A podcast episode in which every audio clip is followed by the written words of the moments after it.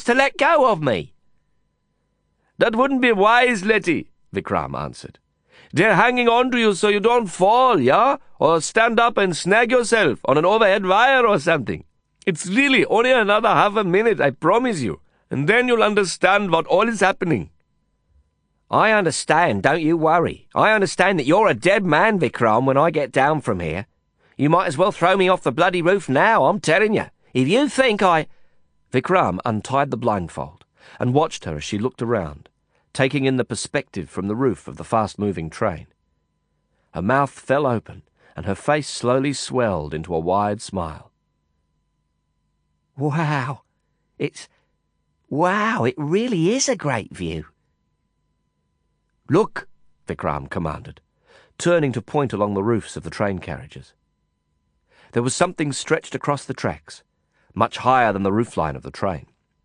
It was strung between the pylon supports for the overhead electric wires. It was a huge banner, puffed like the sail of a ship in the steady breeze. There were words painted on it. As we neared the banner, the writing became clear enough to read. The words were painted in letters as tall as a man. They filled the whole width of the billowing sheet. Letitia, I love you. I was afraid you would stand up and hurt yourself, Vikram said. That's why those fellows were holding on to your arms. Suddenly, the musicians struck up the chiming, thudding strains of a popular love song. Their voices soared over the blood-stirring thump of the tablas and the wail of the flute. Vikram and Letty stared at one another, their eyes holding as the train pulled into a station, stopped, and pulled out again. Halfway to the next station, we approached another banner. Vikram wrenched his eyes from hers and looked ahead. She followed his gaze. More words were written across the taut white cloth. Will you marry me? We passed beneath the pennant and out into the soft afternoon light. Letty was crying. They were both crying. Vikram threw himself forward and wrapped her in his arms. They kissed. I watched them for a moment, and then I turned away to face the musicians. They grinned at me, wagging their heads and laughing as they sang.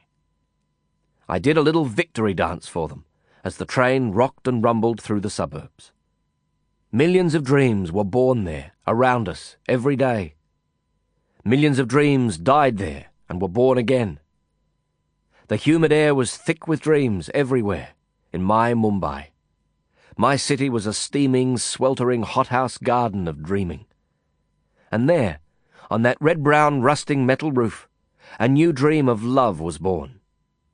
And I thought of my family as we rushed through the humid, dreaming air. And I thought about Karla. And I danced on that steel serpent as it slithered sinuous beside the scroll and swell of the endless, imperishable sea. And although Vikram and Letty disappeared for a week after she accepted his proposal, a lightness and optimism that was like happiness circulated in the Leopold's crowd. When he finally did return, that positive feeling greeted Vikram with real affection. Abdullah and I had just finished our training, and we teased him mercilessly for his delirious, exhausted joy. Then, while Vikram blubbered about love, we ate in hungry, purposeful silence. Didier was jubilant, crowing over the triumph of his romantic scheme, and demanding modest tributes in the form of stiff drinks from everyone we knew. I looked up from my plate of food to see a man, one of the street boys who scrounged for the black marketeers, gesturing to me in some anxiety. I left the table and walked to the footpath to speak with him. Len, big trouble for you, he said quickly, looking left and right nervously. Three men, Africans, big men, very strong. They look for you. They want to kill you. Kill me? Yes, sure. Better you go. Go fast from Bombay for a while. He ran off, and I lost sight of him in the crowd. Puzzled, but not worried, I returned to the table. I'd only eaten two mouthfuls when another man called me out to the street. It was Gemini George. I think you're in a spot of bother, old chum, he said. His tone was cheery, but his face was tense and afraid. Uh huh. Seems there's three bull-necked African geezers. Nigerians, I think. And they mean to do you a bit of grievous bodily harm, if you know what I mean. Where are they? I dunno, mate. I seen them talking with some of the street boys, but then they got in a taxi and took off. They're fucking big lads, I tell you. They filled that taxi with a bit of flesh to spare. Fairly bulging out the windows they were, know what I mean? What's it about? No idea, mate.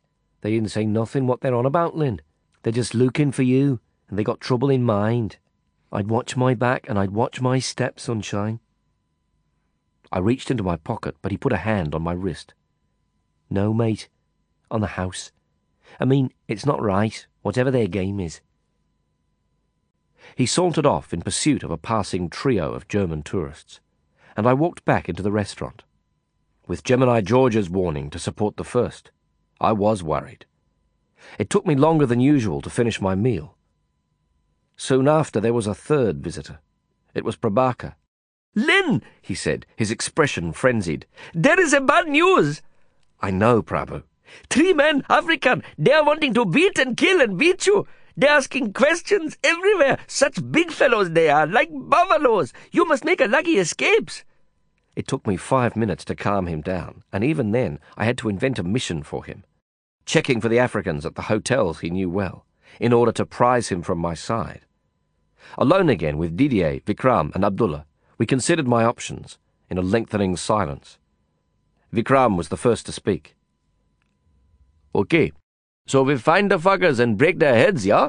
He suggested, looking from face to face for support. After we kill them, Abdullah added. Vikram wagged his head from side to side in agreement. Two things are sure, Didier said slowly. One, you must not be alone, Lin, at any time until this is resolved. Vikram and Abdullah nodded. I will call Salman and Sanjay, Abdullah decided. You will not be alone, Lin brother. And two, Didier continued. The others, whoever they are, whatever their reasons, must not remain in Bombay. They must go. One way or the other way. We got up to pay the bill and leave. Didier stopped me when the others walked to the cashier's desk. He pulled me down into a chair beside him. Sliding a napkin from the table, he fumbled under the table's edge for a moment, and then slid a bundle across to me. It was a pistol, wrapped in the napkin. No one knew that Didier carried a gun. I was sure that I was the first to see and handle the weapon. Grasping it tightly in the napkin wrapping, I stood and joined the others as they left the restaurant. I looked back over my shoulder to see him nodding gravely the curly black hair trembling about his face. We found them, but it took us all the day and most of the night. In the end, it was Hassan Obikwa, another Nigerian, who gave us the decisive clue. The men were tourists, completely new to the city and unknown to Obikwa. He had no precise idea of their motive. It was something to do with a drug deal but his network of contacts had confirmed that they were determined to do me harm. Hassan's driver, Rahim, almost fully recovered from the injuries he'd suffered in prison, discovered that they were in one of the fort area hotels. He offered to resolve the matter. He was conscious of the debt he owed me for buying him out of Arthur Road prison. With an earnest, almost shy expression, he offered to have the men killed, slowly and painfully, as a personal favour to me. He seemed to think that it was the least he could do under the circumstances. I refused. I had to know what it was all about, and I had to put a stop to it. Clearly disappointed, Rahim accepted the decision, and then led us to the small hotel in the fort. He waited outside with our two cars while we went inside. Salman and Sanjay remained with him, watching the street. Their brief was to stop the cops if they arrived, or slow them up long enough for us to leave the hotel. One of Abdullah's contacts smuggled us, whispering, into a room adjoining that taken by the three Africans. We pressed our ears to the connecting wall and could hear their voices clearly. They were joking and talking about trivial, unrelated things. Finally, one of them made a remark that tightened the skin on my skull and face with dread. He got that medal, one of them said, around his neck. That medal is gold. I want that gold medal. I like them shoes, them boots he got, another voice said. I want them shoes. They went on to talk about their plan. They argued a little. One of the men was more forceful. The others agreed at last with his idea to follow me from Leopold's all the way to the quiet car park beneath my apartment building, and then beat me until I was dead and strip my body. It was bizarre, standing in the dark and listening to the details of my own murder. My stomach dropped and tightened on a curdling mix of nausea and rage. I hoped to hear some clue, some reference to a motive, but they never mentioned one. Abdullah was listening with his left ear against the thin partition, and I was listening with my right. Our eyes were only a hand's width apart. The signal to move, when I nodded my head, was a gesture so faint and subtle that it was as if our minds had spoken the message. Vikram, Abdullah, and I stood outside the door to their room, with a passkey poised over the lock. We counted down. Three, two, one. Then I turned the key and tried the door. It wasn't locked from the inside. I stood back and kicked it open. There was a second, three seconds, of utter stillness, as the surprised and frightened men stared at us, their jaws gaping and their eyes bulging. Nearest to us was a tall, very solid man with a bald head and deep scars cut into his cheeks in a regular pattern. He wore a singlet and boxer shorts. Standing behind him was a slightly shorter man, who was dressed only in jockey shorts. He was bending over a waist-high dressing table, poised in the act of snorting a line of heroin. The third man was shorter still, but very thick in the chest and arms. He lay on one of the three beds, at the furthest corner of the room, holding a Playboy magazine in his hands. There was a strong smell in the room. It was the smell of sweat and fear. Some of it was mine. Abdullah closed the door of the room behind him, very slowly and gently, and locked it. He was wearing black. He almost always wore a black shirt and pants. Vikram was dressed in his black cowboy rig. By some chance, I too wore a black t-shirt and black trousers. We must have looked like the members of some club or gang to the goggle-eyed men in the room. What the fuck? the big man bellowed. I ran at him and rammed a fist into his mouth, but he had time to raise his hands. We grabbed at each other, fists flying, and locked in a hard grapple. Vikram sprang for the man on the bed. Abdullah closed on the man at the dresser. It was a short fight and a dirty one. There were six of us, six big men in a small room. There was nowhere to go but into each other. Abdullah finished his man quickly. I heard a frightened shriek, choked off, as Abdullah snapped a hard, straight right hand to the man's throat. From the corner of my eye, I was aware that the solid man fell back, grasping and clutching at his throat. The man on the bed jumped to his feet and kicked outward, trying to use the advantage of high ground. Abdullah and Vikram tipped the bed up, sending the man sprawling behind it.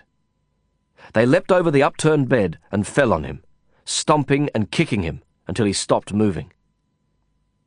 I held the strap of the big man's singlet with my left hand and pounded at him with my right.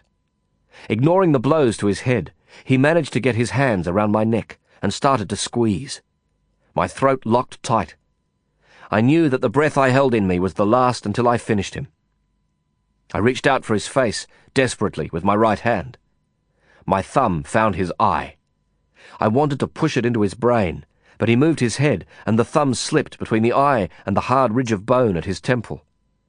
I drove the thumb in harder and deeper, until I gouged his eye from the socket, and it hung there from bloody strands. I tried to reach it, to rip it away, or to dig my thumb into the empty socket, but he pulled back to the limit of his reach. The eye hung out on his cheek, and I swung my fist at his head, trying to crush it. He was a hard man. He didn't give up. His hands squeezed tighter. My neck was strong, and the muscles were well developed, but I knew he had the strength to kill me. My hand reached, groping for the pistol in my pocket. I had to shoot him. I had to kill him. That was all right. I didn't care. The air in my lungs was spent, and my brain was exploding in Mandelbrot whirls of coloured light, and I was dying, and I wanted to kill him. Vikram crashed a heavy wooden stool into the back of the big man's bald head. It's not as easy to knock a man out as it seems in the movies. It's true that a lucky hit can do it in one shot. But I've been hit with iron bars, lumps of wood, boots, and many hard fists, and I've only ever been knocked out once in my life. Vikram slammed the heavy stool into the back of the man's head five times, with all of his strength, before the big man buckled and fell. He was defeated and groggy. The back of his head was pulpy. I knew that his skull was fractured in several places. Somehow he was still conscious.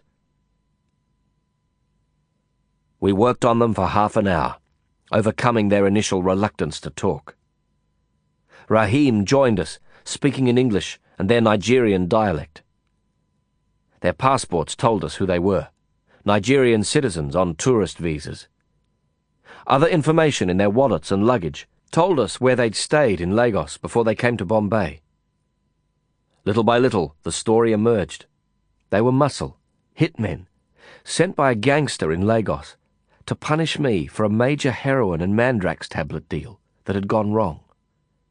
The deal involved some $60,000, money that their boss in Lagos had lost in a hustle in Bombay.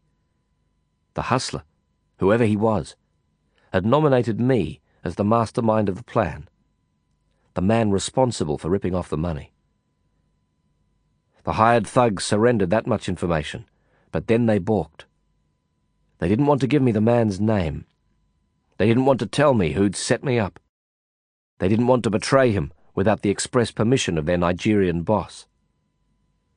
We insisted, and they were persuaded. The man's name was Maurizio Belcane. I put the big man's eye back into its socket, but it stared out at a strange angle. From the way that he turned his head to look at me, I guessed that he couldn't see out of it yet, and I suspected that it would never sit correctly again. We closed the eye with tape, bandaged his head, and tidied the other men up. Then I spoke to them. These men will take you to the airport. You're going to wait in the car park. There's a plane to Lagos tomorrow morning. You're going to be on it. We're going to buy the tickets with your money. And get this straight. I had nothing to do with this. That's not your fault. It's Maurizio's. But that doesn't make me any happier about it. I'm going to fix Maurizio for lying about me. That's my business now. You can go back to your boss and tell him that Maurizio will get what's coming to him. But if you ever come back here, we'll kill you. Understand? You come back to Bombay, you die. Yeah, you fucking understand? Vikram shouted at them, lashing out with a kick. You come here and fuck with Indians, you fucking fuckheads! India is finished for you. You come back here and I will personally cut off your fucking balls. Do you see my hat? You see the mark on my fucking hat? You fucking bahinchut? You put a mark on my fucking hat. You don't fuck with an Indian guy's hat. You don't fuck with Indian guys for any reason, hat or no hat. Not ever. And especially not if they do wear a hat. I left them and took a cab to Ulla's new apartment. She would know where Maurizio was if anyone knew. My throat was aching and I could hardly talk. The gun in my pocket was all I could think about. It swelled in my mind until it was huge, until the pattern of ridges on the handle was as large as the wale of bark on a cork tree. It was a Walther P38, one of the best semi-automatic pistols ever made. It fired a 9mm round from an eight-shot magazine, and in my mind I saw all eight of them punch their way into Maurizio's body. I mumbled the name, Maurizio, Maurizio, and a voice in my head a voice that I knew very well, said, Get rid of the gun before you see him. I knocked hard on the door of the apartment, and when Lisa opened it, I brushed past her to find Ulla sitting on a couch in the lounge room. She was crying. She looked up when I entered, and I saw that her left eye was swollen, as if she'd been hit. Maurizio, I said. Where is he? Lin, I can't, she sobbed. Modena. I'm not interested in Modena. I want Maurizio. Tell me where he is. Lisa tapped me on the arm. I turned and noticed for the first time that she had a large kitchen knife in her hand. She jerked her head toward the nearest bedroom. I looked at Ulla and then back to Lisa. She nodded at me slowly. He was hiding in a wardrobe. When I dragged him out into the room, he pleaded with me, begging me not to hurt him. I grabbed the belt at the back of his trousers and marched him to the door of the apartment. He screamed for help, and I hit him in the face with the pistol. He screamed again, and I hit him again, much harder. His lips parted, and he wanted to cry out once more, but I beat him to it, crunching the gun into the top of his head as he flinched away. He was quiet. Lisa snarled at him, brandishing the knife. You're lucky I didn't put this in your guts, you son of a bitch. If you ever hit her again, I'll kill you. What did he want here? I asked her. It's all about the money. Modena's got it. Ulla called Maurizio. She stopped, shocked by the fury she saw on my face as I glared at Ulla. I know, I know, she wasn't supposed to call anyone, but she did, and she told him about this place. She was supposed to meet them both here, tonight. But Modena didn't show. It's not her fault, Lin. She didn't know Maurizio put you in it. He just told us about it then, a minute ago. He told us he gave your name to a couple of Nigerian thugs. He put you in it to save himself. He said he had to have the money to get away, because they'd be after him when they were finished with you. The hero was trying to beat it out of her, where Modena is, when you got here. Where's the money? I asked Ulla. I don't know, Lin, she cried. Fuck the money. I didn't want it in the first place. But then I was ashamed that I was working. He doesn't understand. I rather would work on the street and keep him safe than have this crazy thing happen. He loves me. He loves me. He didn't have anything to do with you and the Nigerians, Lin. I swear it. That was Maurizio's idea. It's been going on for weeks now. That's what I've been so scared about. And then tonight, Modena got hold of the money Maurizio stole. The money he stole from the Africans. And he hid it. He did it for me. He loves me, Lin. Modena loves me. She trailed off in stuttering sobs. I turned to Lisa. I'm taking him with me. Good, she snapped. Will you be okay? Yeah, we're fine. Have you got any money? Yeah, don't worry. I'll send Abdullah as soon as I can. Keep the doors locked, and don't let anyone in but us, okay? You got it, she smiled. Thanks, Gilbert. That's the second time you came riding to the rescue. Forget it. No, I won't forget it, she said, closing and locking the door behind us. I wish I could say that I didn't hit him. He was big enough and strong enough to defend himself, but he had no heart for fighting, and there wasn't any victory in hitting him. He didn't fight or even struggle. He whimpered and cried and begged. I wish I could say that a stern justice and a righteous revenge for the wrong that he'd done to me had curled my hands into fists and punched him. But I can't be sure. Even now, long years later, I can't be sure that the violence I did to him didn't come from something darker, deeper, and far less justifiable than angry retribution. The fact was that I'd been jealous of Maurizio for a long time. And in some part, some small but terrible part, I may have struck at his beauty and not just his treachery. On the other hand, of course, I should have killed him. When I left him, bloody and broken, near the St. George Hospital. A warning voice told me it wasn't the end of the matter. And I did hesitate, looming over his body with murder in my eyes. But I couldn't take his life. Something he'd said when he was begging me to stop beating him stayed my hand. He said that he'd named me, that he'd thrown me to the Nigerian thugs when he had to invent someone else who was responsible for his theft. Because he was jealous of me. He was jealous of my confidence, my strength, and my friendships. He was jealous of me. And in his jealousy, he hated me. And in that, we weren't so different, Maurizio and I. It was still with me, all of it, the next day, when the Nigerians were gone, and I went to Leopold's, looking for Didier to return his unused gun. It was still with me, clotting my mind with anger, confused in regret, when I found Johnny Cigar waiting for me outside. It was still there as I struggled to focus and understand his words. It's a very bad thing, he said. Anand Rao has killed Rashid this morning. He cut his throat. It's the first time, Lin. I knew what he meant. It was the first murder in our slum. It was the first time that one slum dweller had ever killed another in the Cuff Parade slum. There were 25,000 people in those little acres and they fought and argued and bickered all the time.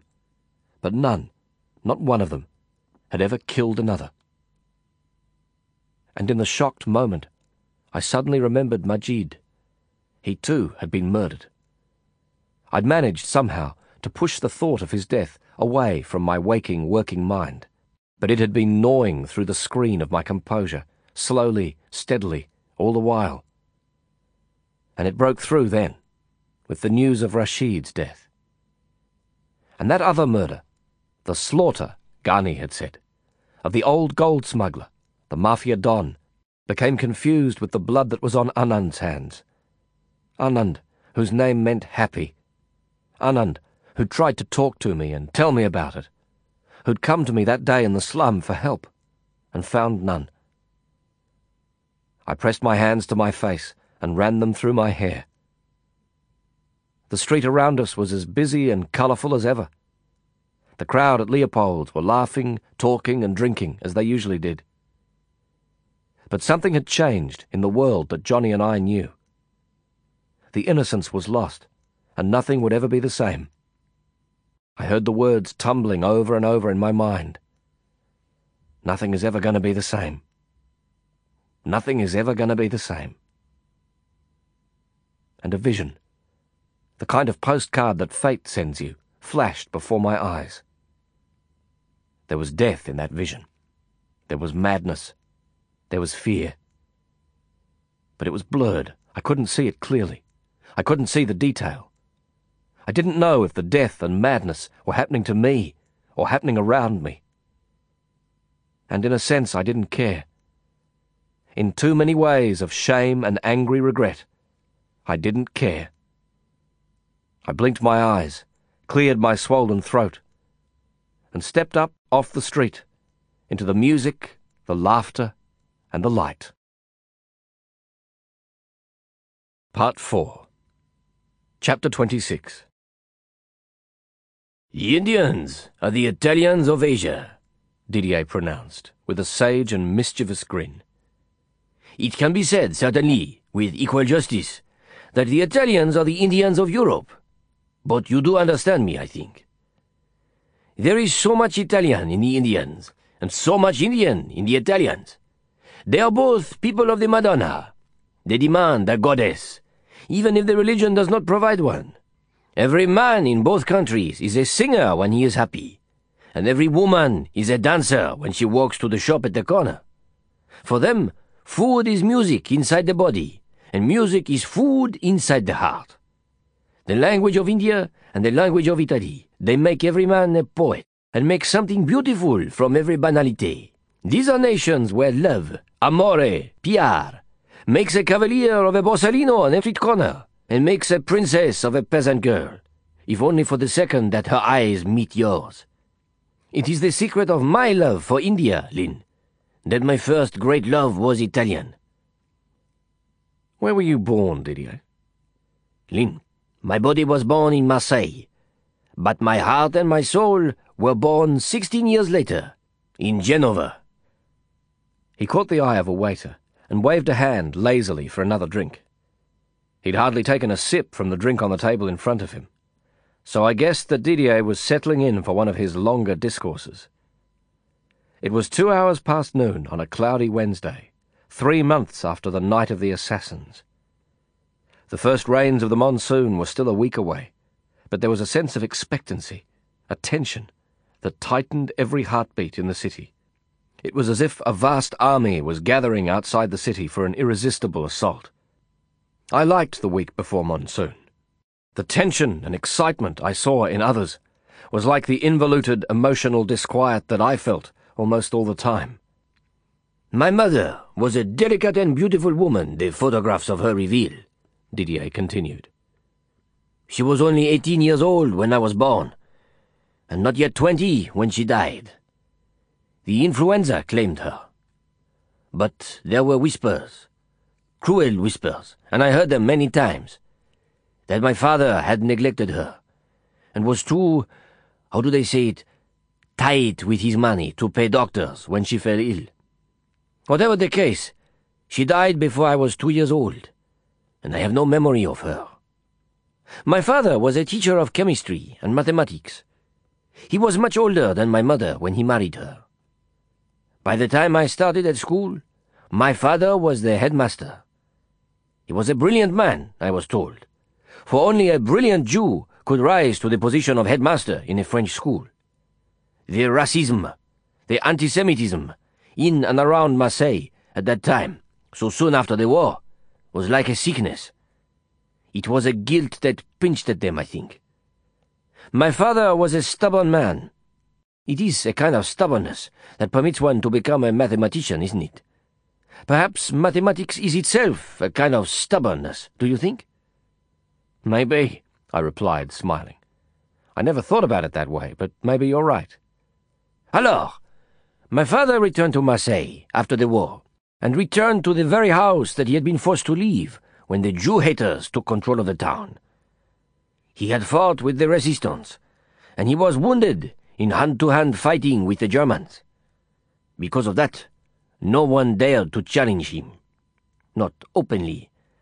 But I am sure that his Jewish face and his Jewish pride and his beautiful young Jewish bride reminded the good citizens of Marseille of the thousands of French Jews who were betrayed and sent to their deaths.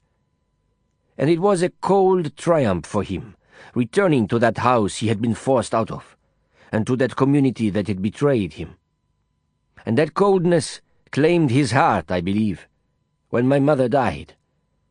Even his touch, when I think of it now, was cold. Even his hand, when he touched me. He paused and took a sip from his glass, replacing it slowly and carefully in the precise circle of moisture it had left on the table in front of him. Well then, he was a brilliant man, he continued, raising his eyes to mine with a hastily gathered smile. And with one exception, he was a brilliant teacher. The exception was me. I was his only failure. I had no head for science and mathematics. They were languages I could never decipher or understand. My father responded to my stupidity with a brutal temper. His cold hand, it seemed to me when I was a child, was so large that when he struck me, my whole body was shocked and bruised by the giant's hard palm and the whips of his fingers. I was afraid of him, and ashamed of my failures at school, so I played the truant very often, and fell into what the English call a bad company. I was many times in the courts, and served two years in the prison for children before my thirteenth birthday. At sixteen, I left my father's house, my father's city, and my father's country, forever. By chance, I came to Genova, Have you seen it? I tell you, it is the jewel in the tiara of the Ligurian coast. And one day, on the beach at Genova, I met a man who opened my life to every good and beautiful thing that there is in the world. His name was Rinaldo. He was forty-eight years old then, when I was sixteen. His family held some ancient title, a noble line that reached to the time of Columbus. But he lived in his magnificent house on the cliffs, without the pretensions of his rank. He was a scholar, the only true Renaissance man I ever met. He taught me the secrets of antiquity, the history of art, the music of poetry, and the poetry of music. He was also a beautiful man. His hair was silver and white, like the full moon, and his very sad eyes were grey. In contrast to the brutish hands of my father, with their chilling touch, Rinaldo's hands were long, slender, warm, expressive, and he made tenderness in everything that he touched. I learned what it is to love, with all of the mind and all of the body, and I was born in his arms. He began to cough, and attempted to clear his throat, but the cough became a fit that racked his body in painful spasms. You've got to stop smoking and drinking so much, Didier. And you've got to do a little exercise now and then. Oh, please! he shuddered, stubbing out a cigarette and fishing another from the pack in front of him as the cough subsided.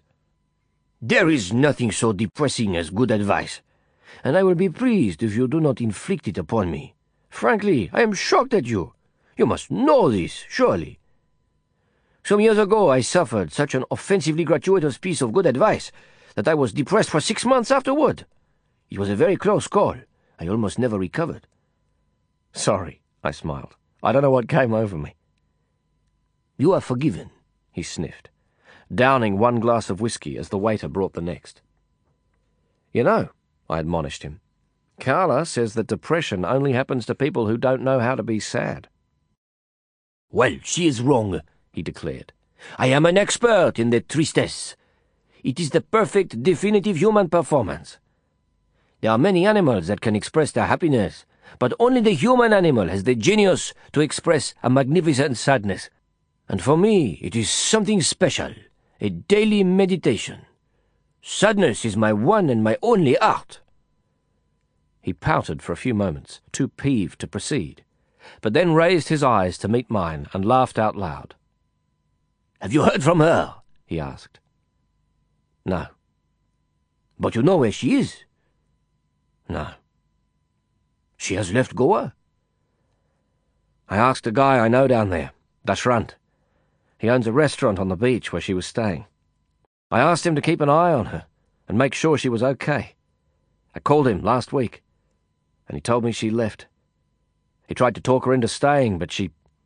well, you know. Didier pursed his lips in a reflective frown. We both watched the shuffling, idling, bustling, scurrying street only two metres away, beyond the wide entrance to Leopold's.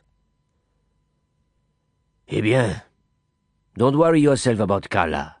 Didier said at last. At the least, she is uh, well protected. I assumed that Didier meant she could take care of herself, and perhaps that she lived under a good and lucky sign.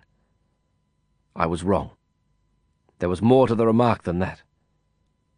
I should have asked him what he meant, of course.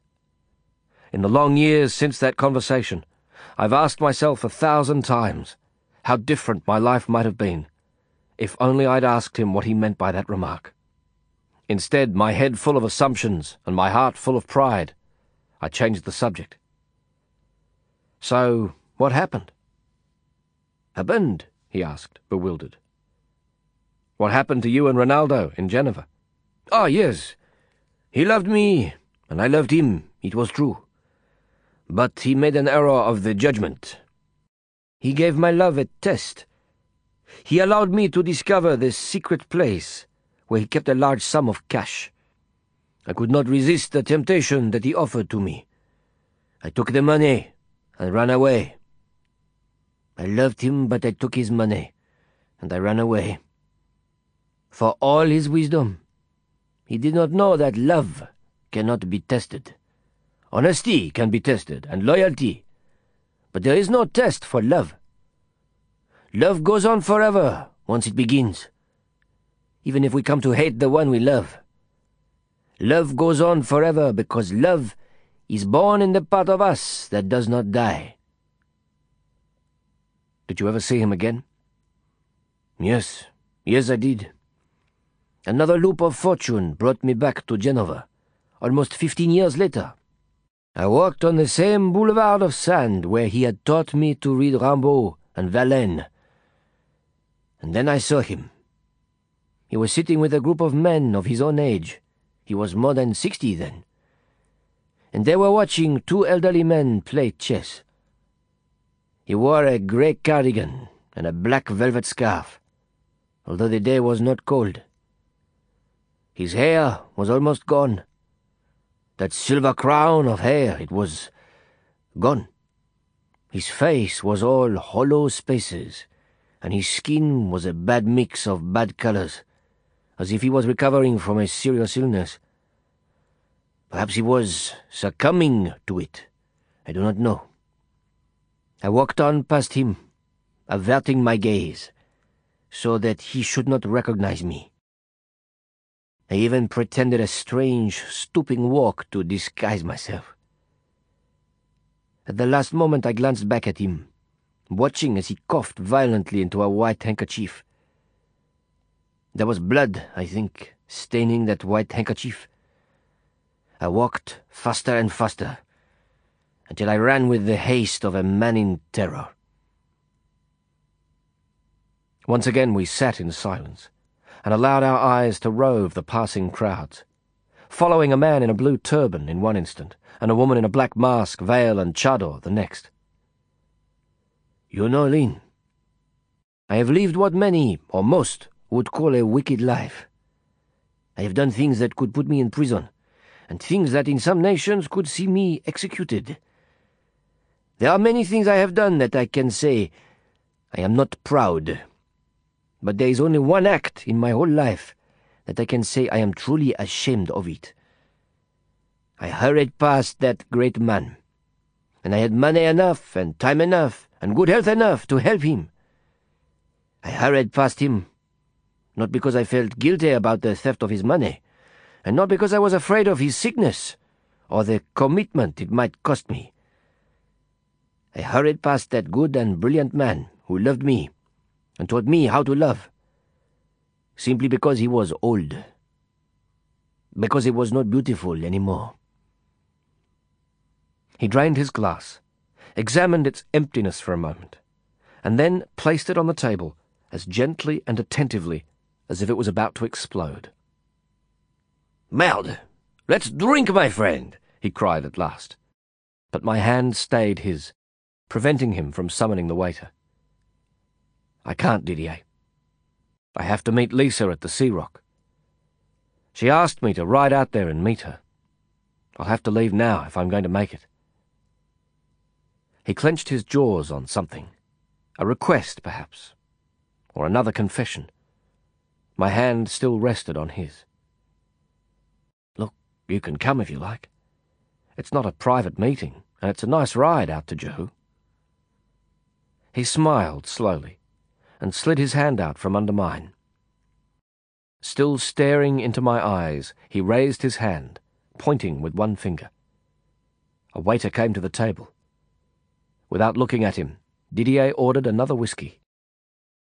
When I paid my bill and walked out to the street, he was coughing again, hunched over one hand and clutching his glass with the other. I'd bought a bike an Enfield Bullet, a month before. The taste of two-wheeled adrenaline that I'd experienced in Goa had nagged at me until I finally surrendered to it, and went with Abdullah to the mechanic who serviced his bike. The mechanic, a Tamil named Hussein, loved bikes, and loved Abdullah almost as much. The Enfield he sold to me was in perfect condition, and it never once let me down. Vikram was so impressed with it that he bought one from Hussein within a week Sometimes we rode together, Abdullah, Vikram, and I, our three bikes side by side, and the sun in our laughing mouths. On that afternoon when I left Didier at Leopold, I rode slowly and gave myself time and space to think. Karla was gone from the little house on Anjuna Beach. I had no idea where she might be. Ulla told me that Karla had stopped writing to her, and I had no reason to think that she was lying. So Karla was gone, and there was no way to find her. And every day I woke with a dream or a thought of her. Every night I slept with the knife of regret in my chest. My thoughts drifted to Kader Bhai as I rode. He seemed well pleased with the niche role that I was playing in his mafia network.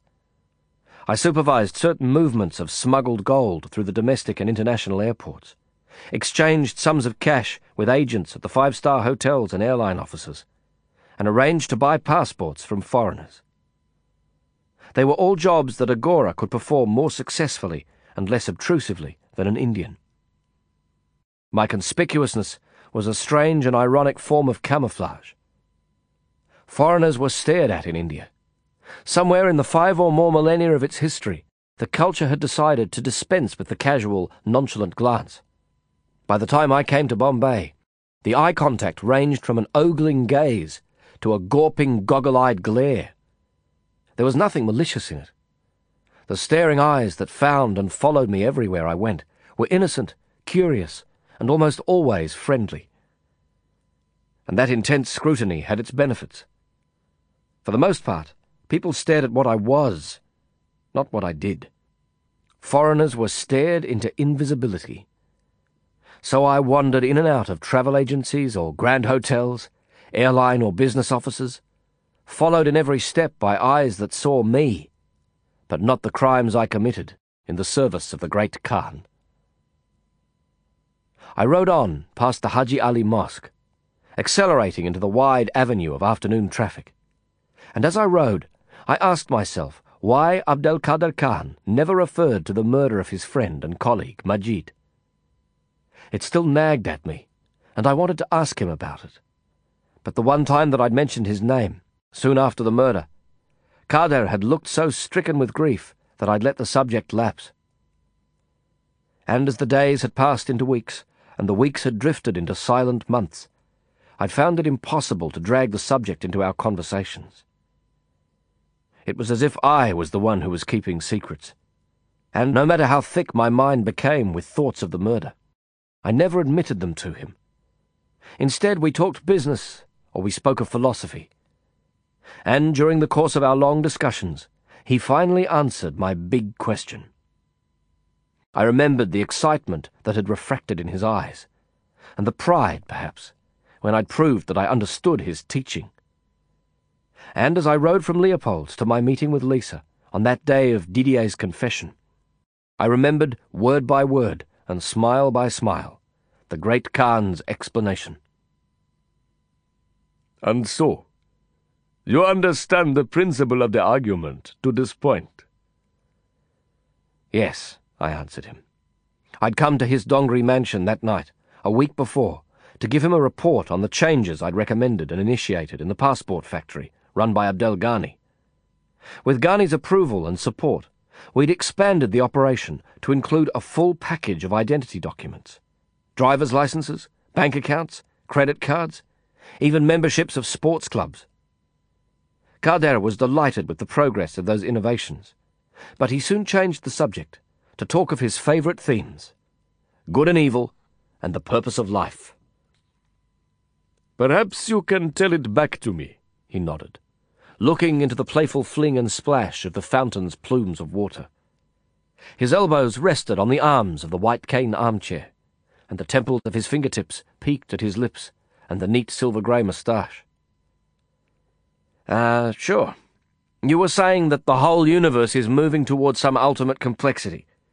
This has been going on since the universe began, and physicists call it the tendency toward complexity. And anything that kicks this along and helps it is good, and anything that hinders it is evil. Very good, Kader said, raising one eyebrow in the smile he offered me. As was so often the case, I wasn't sure if he was expressing approval or mockery or both. It seemed with Kader that he never felt or expressed any one emotion without feeling something of its opposite. That might be true for all of us to some extent. But with him, with Lord Abdel Kader Khan, it wasn't possible to know what he really thought or felt about you. The one and only time that I saw the whole of the truth in his eyes. On a snow covered mountain called Sorrow's Reward. It was already too late. And I never saw it again. And this final complexity, he added, it can be called God, or the universal spirit, or the ultimate complexity, as you please. For myself, there is no problem in calling it God. The whole universe is moving toward God, in a tendency toward the ultimate complexity that God is. That still leaves me with the question I asked you last time. How do you decide how any one thing is good or evil? That is true. I promised you an answer to this very good question then, young Mr. Lin, and you will have it. But first you must answer a question for me. Why is killing wrong? Well, I don't think it is always wrong. Ah, he mused, his amber eyes glittering in the same wry smile. Well, I must tell you that it is always wrong. This will become clear later in our discussion. For now, concentrate on the type of killing that you do think is wrong, and tell me why it is wrong. Yeah, well, it's the unlawful taking of a life. By whose law? Society's law, the law of the land, I offered, sensing that the philosophical ground was slipping away beneath me. Who makes this law? he asked gently. Politicians pass laws. Criminal laws are inherited from from civilization. The laws against unlawful killing go all the way back. Maybe all the way back to the cave. And why was killing wrong for them? You mean, well, I'd say because there's only one life. You only get one shot at it, and to take it away is a terrible thing. A lightning storm is a terrible thing. Does that make it wrong or evil? No, of course not, I replied more irritably. Look, I don't know why we need to know what's behind the laws against killing. We have one life, and if you take a life without a good reason, you do something wrong. Yes, he said patiently. But why is it wrong? It just is, that's all. This is the point we all reach, Kader concluded, more serious in his tone. He put his hand on my wrist as it rested on the arm of my chair beside him, and he tapped out the important points with his fingers.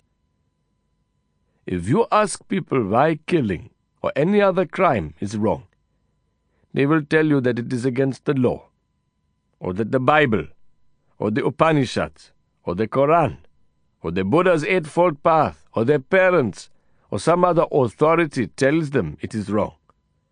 But they don't know why it is wrong.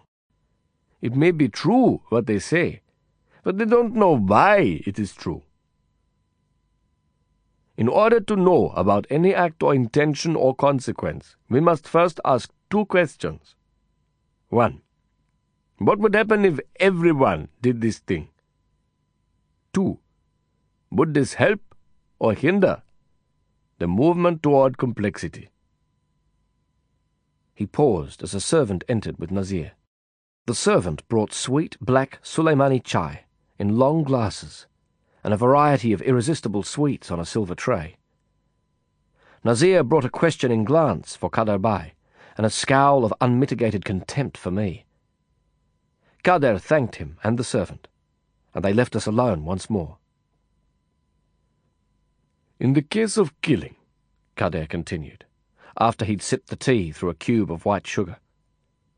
What would happen if everyone killed people? Would that help or hinder? Tell me. Obviously, if everyone killed people, we would wipe each other out, so that wouldn't help. Yes. We human beings are the most complex arrangement of matter that we know of. But we are not the last achievement of the universe. We too will develop and change with the rest of the universe. But if we kill indiscriminately, we will not get there. We will wipe out our species and all the development that led us across millions of years, billions of years, will be lost. The same can be said for stealing. What would happen if everyone stole things? Would that help us or would it hinder us? Yeah, I get the point. If everyone was stealing off everyone else, we'd be so paranoid and we'd waste so much time and money on it that it would slow us down and we'd never get to the ultimate complexity. He completed the thought for me. This is why killing and stealing are wrong. Not because a book tells us they are wrong, or a law tells us they are wrong, or a spiritual guide tells us they are wrong, but because if everyone did them, we would not move toward the ultimate complexity that is God, with the rest of the universe. And the opposite of this is also true. Why is love good? Well, what would happen if everyone loved everyone else? Would that help us, or would it hold us back? It would help, I agreed, laughing from within the trap he'd set for me. Yes. In fact, such universal love would greatly accelerate the movement toward God. Love is good, friendship is good, loyalty is good, freedom is good, honesty is good. We knew that these things were good before. We have always known this in our hearts, and all the great teachers have always told us this. But now, with this definition of good and evil, we can see why they are good, just as we can see why stealing and lying and killing are evil. But sometimes, I protested, you know, what about self defense? What about killing to defend yourself? Yes, a good point, Lin. I want you to imagine a scene for me. You are standing in a room with a desk in front of you. On the other side of the room is your mother. A vicious man holds a knife to the throat of your mother. The man will kill your mother. On the table in front of you, there is a button. If you press it, the man will die. If you do not, he will kill your mother. These are the only possible outcomes. If you do nothing, your mother dies. If you press the button, the man dies and your mother is saved. What would you do? The guy's history, I answered without hesitation. Just so, he sighed, perhaps wishing that I'd wrestled with the decision a little longer before pressing the button. And if you did this, if you saved your mother from this vicious killer, would you be doing the wrong thing or the right thing? The right thing, I said just as swiftly. No, Lin, I'm afraid not, he frowned. We have just seen that in the terms of this new objective definition of good and evil, killing is always wrong because if everyone did it, we would not move toward God, the ultimate complexity with the rest of the universe. So it is wrong to kill. But your reasons were good. So, therefore, the truth of this decision is that you did the wrong thing for the right reasons. As I rode the wind, a week after Kader's little lecture on ethics, weaving the bike through ancient modern traffic beneath a darkening, portentous tumble of clouds, those words echoed in my mind. The wrong thing for the right reasons. I rode on and even when I stopped thinking about Kader's lesson, those words still murmured in the little grey daydream space where memory meets inspiration. I know now that the words were like a mantra, and that my instinct, fate's whisper in the dark, was trying to warn me of something by repeating them. The wrong thing for the right reasons. But on that day, an hour after Didier's confession, I let the murmured warnings fade. Right or wrong, I didn't want to think about the reasons. Not my reasons for doing what I did, or Kader's, or anyone's. I enjoyed the discussions of good and evil, but only as a game, as an entertainment. I didn't really want the truth. I was sick of truth, especially my own truth, and I couldn't face it. So the thoughts and premonitions echoed and then whipped past me into the coils of humid wind. And by the time I swept into the last curve of coast, near the Sea Rock Hotel, my mind was as clear as the broad horizon, clamped upon the limit of a dark and tremulous sea. The Sea Rock, which was as luxurious and opulently serviced as the other five-star hotels in Bombay, offered the special attraction that it was literally built upon the sea rocks at Juhu. From all its major restaurants, bars, and a hundred other windows, the sea rock scanned the endlessly shifting peaks and furrows of the Arabian Sea. The hotel also offered one of the best and most comprehensively eclectic smorgasbord lunches in the city. I was hungry, and glad to see that Lisa was waiting for me in the foyer. She wore a starched sky blue shirt with the collar turned up, and sky blue culottes. Her blonde hair was wound into the praying fingers of a French braid. She'd been clean, off heroin, for more than a year. She looked tanned and healthy and confident. Hi, Lin, she smiled, greeting me with a kiss on the cheek. You're just in time. Great, I'm starving.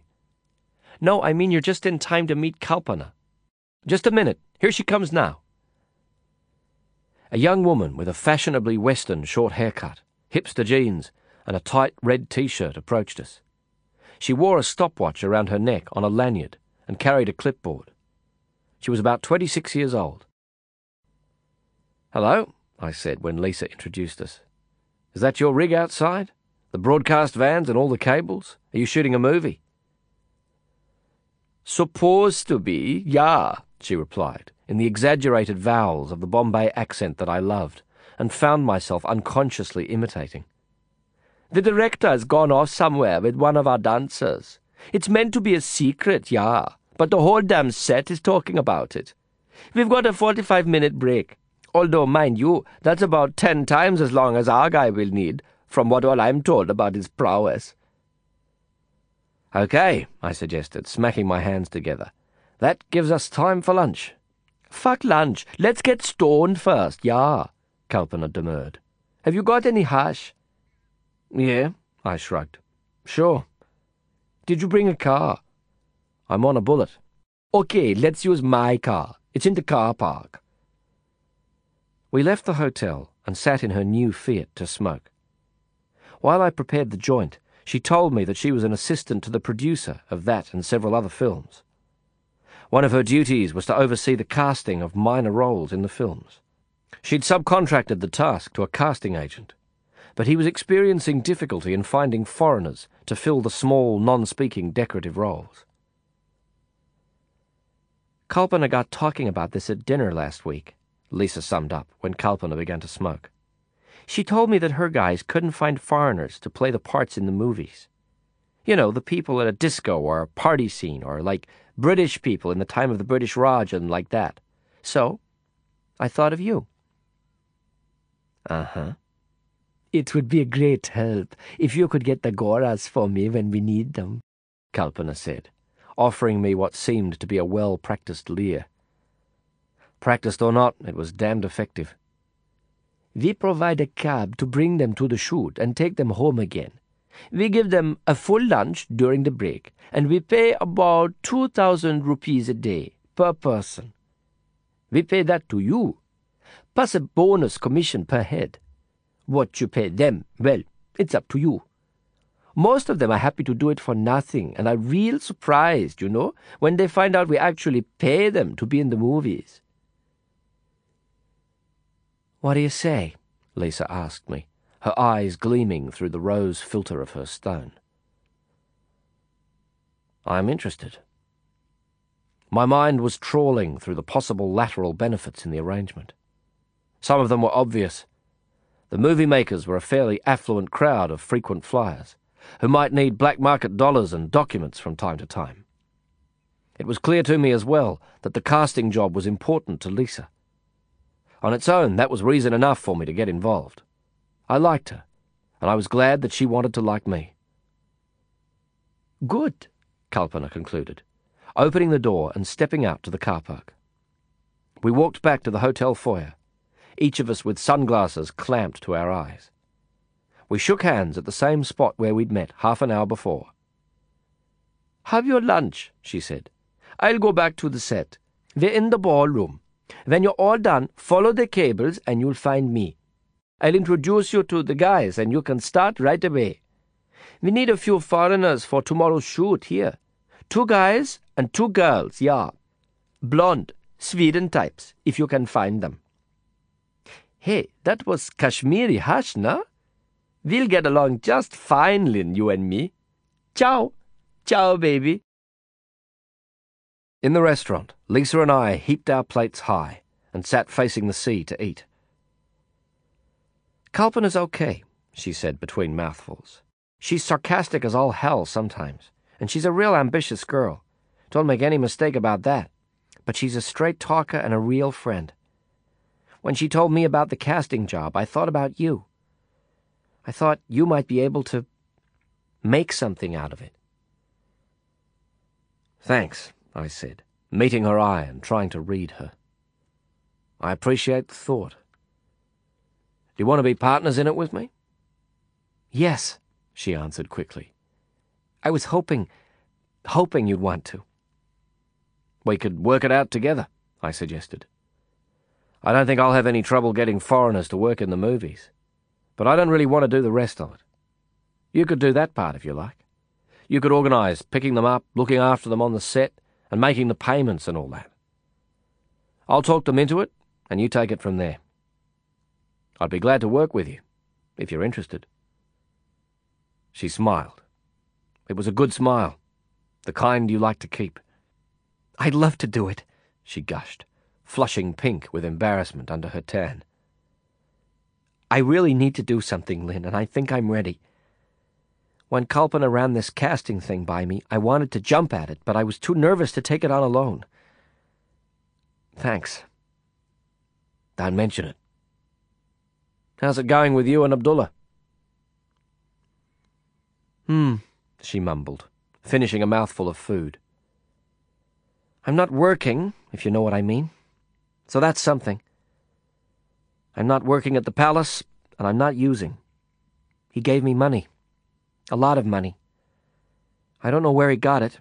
I don't really care. It's more money than I've ever seen in one bundle before in my whole life. It's in this case, this metal case. He gave it to me and asked me to look after it for him, and to spend it whenever I needed. It was real spooky, kind of like. I don't know. Like his last will and testament or something. I raised one eyebrow unconsciously in a quizzical expression. She caught the look, reflected a moment, and then responded. I trust you, Lin. You're the only guy in this city I do trust.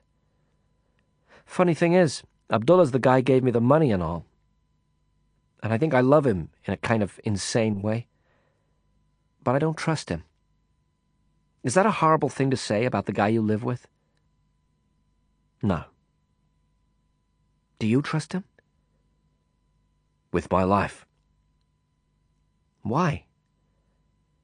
I hesitated, and then the words didn't come. We finished our meal and sat back from the table looking at the sea. We've been through some things, I said after a while. But it's not just that. I trusted him before we did any of that.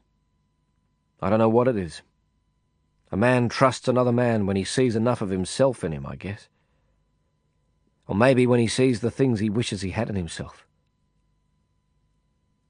We were silent for a time, each of us troubled, and stubbornly tempting fate in our own ways. Are you ready? I asked her. She nodded in reply. Let's go to the movies. We followed the black vines of relay cables from the generator vans outside the hotel. They led us through a side entrance and past a procession of bustling assistants to the banquet room, which had been hired as a set. The room was filled with people, powerful lights, dazzling reflector panels, cameras, and equipment. Seconds after we entered, someone shouted, Quiet, please! And then a riotous musical number began. Hindi movies aren't to everyone's taste.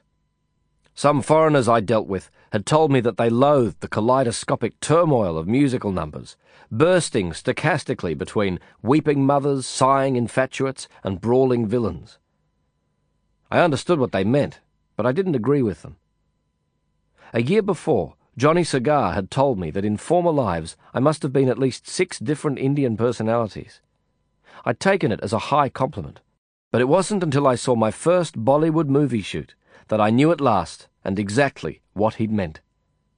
I loved the singing, the dancing, and the music with the whole of my heart from the very first instant. The producers had hired a 2,000 watt amplifier. The music crashed through the banquet room and rattled into our bones. The colours were from a tropical sea. The million lights were as dazzling as a sun-struck lake. The faces were as beautiful as those carved on temple walls. The dancing was a frenzy of excited, exuberant lasciviousness and ancient classical skills. And the whole improbably coherent expression of love and life, drama and comedy, was articulated in the delicate, unfurled elegance of a graceful hand or the wink of a seductive eye. For an hour we watched as the dance number was rehearsed and refined and finally recorded on film. During a break after that, Kalpana introduced me to Cliff D'Souza and Chandra Mehta, two of the four producers of the film. D'Souza was a tall, curly-haired, 30-year-old Goan, with a disarming grin and a loping walk. Chandra Mehta was closer to 40. He was overweight, but comfortable with it. One of those big men who expand to fit a big idea of themselves. I liked both men, and although they were too busy to talk for long, that first meeting was cordial and communicative. I offered Lisa a lift back to town, but she'd arranged to ride with Kalpana, and she chose to wait. I gave her the phone number at my new apartment, telling her to call if she needed me. On my way out through the foyer, I saw Kavita Singh also leaving the hotel. We'd both been so busy in recent months, she with writing about crimes and me with committing them, that we hadn't seen one another for many weeks. Kavita! I called out, running forward to catch her. Just the woman I wanted to see. The number one reporter on Bombay's number one newspaper. How are you? You look great. She was dressed in a silk pantsuit. It was the colour of bleached bone. She carried a linen handbag in the same colour. The single-breasted jacket descended to a deep décolletage, and it was obvious that she was wearing nothing under the jacket. Oh, come off it! She snapped, grinning and embarrassed. This is my dress to kill outfit. I had to interview Vasant Lal. I just came out of there. You're moving in powerful circles, I said, recalling photos of the populist politician. His incitements to communal violence had resulted in rioting, arson, and murder. Each time I saw him on television or read one of his bigoted speeches in the newspaper, he made me think of the brutal madman who called himself Sapna a legal, political version of the psychopathic killer. It was a snake pit up there in his suite, I tell you, Baba. But I got my interview. He has a weakness for big tits. She whipped a finger into my face. Don't say anything. Hey, I pacified her, raising both hands and wagging my head. I'm saying nothing at all, yeah. Absolutely nothing. I'm looking, mind you, and I wish I had three eyes, but I'm saying nothing at all. You bastard, she hissed, laughing through gritted teeth. Oh, shit, what's happening to the world, man? When one of the most important guys in the city won't talk to you, but will give a two-hour interview to your tits. Men are such sick fuckers, don't you think? You got me there, Kavita, I sighed. Fucking pigs, yeah. Can't argue with that. When you're right, you're right. She eyed me suspiciously. What are you being so damned agreeable about, Lin? Listen, where are you going? What? Where are you going? Right now, I mean. I was going to take a cab back to town. I'm living near Flora Fountain now. How about I give you a lift on my bike? I want to talk to you. I want you to help me with a problem. Kavita didn't know me well. Her eyes were the colour of bark on a cinnamon tree, flecked with golden sparks. She looked me up and down with those eyes, and the forensic examination left her somewhere short of inspired reassurance. What kind of a problem? she asked. It involves a murder, I replied. And I want you to make it a page one story. I'll tell you all about it at your place. And on the way, you can tell me about Vasant Lal. You'll have to shout on the back of the bike, so that'll help you to get it out of your system, nah? Some forty minutes later, we sat together on her fourth floor walk up apartment on the edge of the fort area near Flora Fountain. It was a tiny apartment with a fold out bed, a rudimentary kitchen, and a hundred noisy neighbours. It boasted a superb bathroom, however, large enough to hold a washing machine and dryer without crowding. There was also a balcony enclosed in antique wrought iron that looked out onto the wide, busy square around the fountain. His name is Anand Rao, I told her, sipping the strong espresso coffee she'd prepared for me. He shared a hut in the slum with a guy named Rashid. They were my neighbours when I lived there. Then Rashid's wife and her sister came to stay, from the village in Rajasthan. Anand moved out of the hut to leave room for Rashid and the sisters. Hang on, Kavita interrupted. I'd better get this down. She stood up and walked to a wide, cluttered desk where she gathered up a pad, pen, and cassette recorder. She'd changed out of her pantsuit and wore loose harem pants and a singlet. Watching her walk, following her quick, purposeful, graceful movements, I realized for the first time just how beautiful she was. When she returned and set up the recorder, tucking her legs beneath her on the armchair as she prepared to write, she caught me staring at her. What? she asked. Nothing, I smiled. Okay, so Anand Rao got to meet Rashid's wife and her sister. He got to like them. They were shy, but they were friendly, happy, and kind. I think now, reading between the lines, that Anand got a little sweet on the sister. Anyway, one day Rashid tells his wife that the only way they can set themselves up in the little shop that they want is if he sells his kidney, one of his kidneys, at this private hospital he knows about. She argues against this, but he finally convinces her that it's their only chance. Well, he comes back from the hospital and he tells her he's got good news and bad news. The good news is that they definitely want a kidney. The bad news is that they don't want a man's kidney. They want a woman's kidney.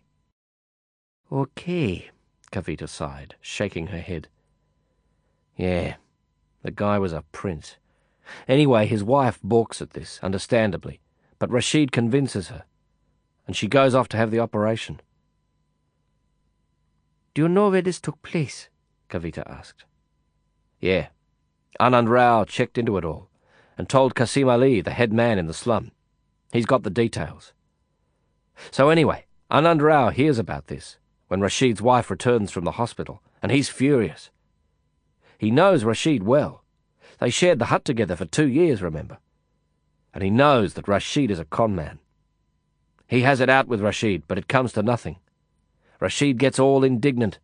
He spills kerosene on himself and tells Anand Rao to light it if he doesn't trust him and if he thinks he's such a bad guy.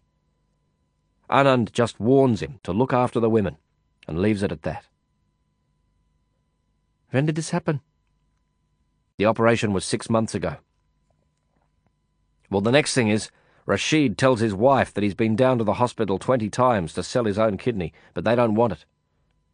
He tells her the money they got for her kidney was only half as much as they need to buy their business. He tells her that they still want women's kidneys, and he starts working on her to sell her sister's kidney. The wife is against it, but Rashid works on the young sister, telling her that if she doesn't sell her kidney, then the wife would have sold her kidney for nothing. Finally, the women give in. Rashid packs the younger sister off to the hospital, and she returns minus one of her kidneys. This is some guy, Kavita muttered. Yeah, well, I never liked him. He was one of those guys who smile as a tactic, you know, and not because they actually feel anything worth smiling about. Kind of like the way a chimpanzee smiles. And what happened? He took off with the money, I suppose? Yeah. Rashid took the money and ran. The two sisters were devastated. Their health deteriorated. They went downhill fast. They ended up in hospital. First one and then the other. They both fell into a coma. Lying together in their hospital beds, they were pronounced dead within minutes of each other. Anand was there, with a few others from the slum. He stayed long enough to see the sheets pulled over their faces. Then he ran out of the hospital. He went out of his mind with anger and guilt, I suppose. He went looking for Rashid. He knew every one of Rashid's drinking dives. When he tracked him down, Rashid was lying in a rubbish pit sleeping off a binge. He'd paid some kids to keep the rats off his drunken body. Anand chased the kids off and sat down beside Rashid and listened to him snore.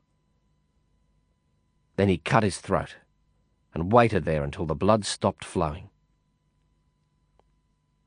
Pretty messy, Kavita muttered, not looking up from her pad. It was. It is. Anand gave himself up and made a full confession. He's been charged with murder. And you want me to... I want you to make it a front-page story. I want you to build some kind of popular movement around him, so that if they do convict him, which they will for sure, they'll have to go a little easy on him. I want him to have support while he's in prison. And I want to keep his prison time down to as little as possible. That's a lot of I want. I know. Well, she frowned. It's an interesting story, but I've got to tell you, Lin, we get too many stories like this every day. Wife burning, dowry murders, child prostitution, slavery, female infanticide. It's a war against women in India, Lin. It's a fight to the death, and mostly it's the women dying. I want to help your guy. But I don't see this as page one, yeah? And anyway, I don't have any pull with page one. I'm new there myself, don't forget.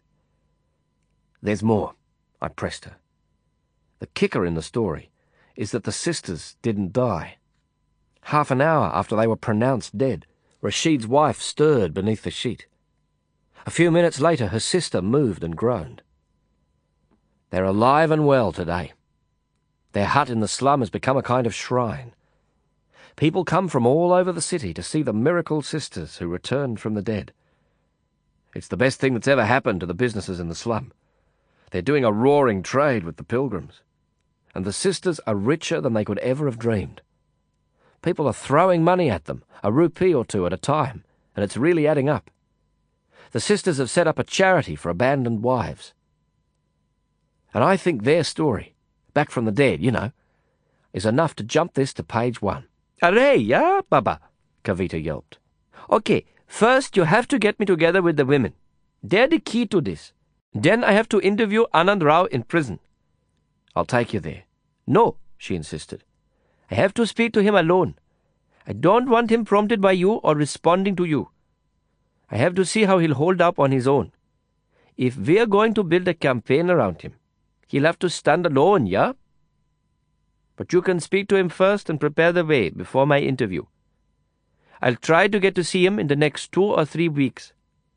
He's got a lot to do. For two hours we discussed the campaign, and I answered her many questions. I left her in a happy, enthusiastic whirl of pressure and purpose. I rode straight out to Nariman Point and bought a sizzling meal from one of the fast food vans parked on the beach but my appetite wasn't as good as I'd thought, and I ate less than half.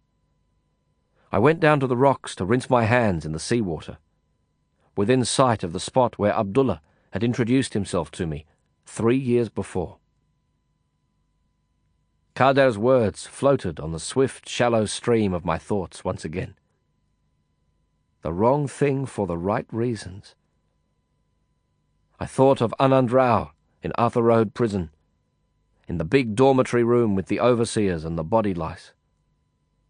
I shivered the thought off into the breeze. Kavita had asked me why the Anand Rao case was so important to me. I didn't tell her that he'd come to me before he committed the murder. Only a week before he cut Rashid's throat. I didn't tell her that I'd brushed him off and insulted him, demeaning his dilemma with an offer of money. I smudged an answer to her question. and let her think that I was just trying to help a friend, just trying to do the right thing. Kader Bhai once said that every virtuous act is inspired by a dark secret.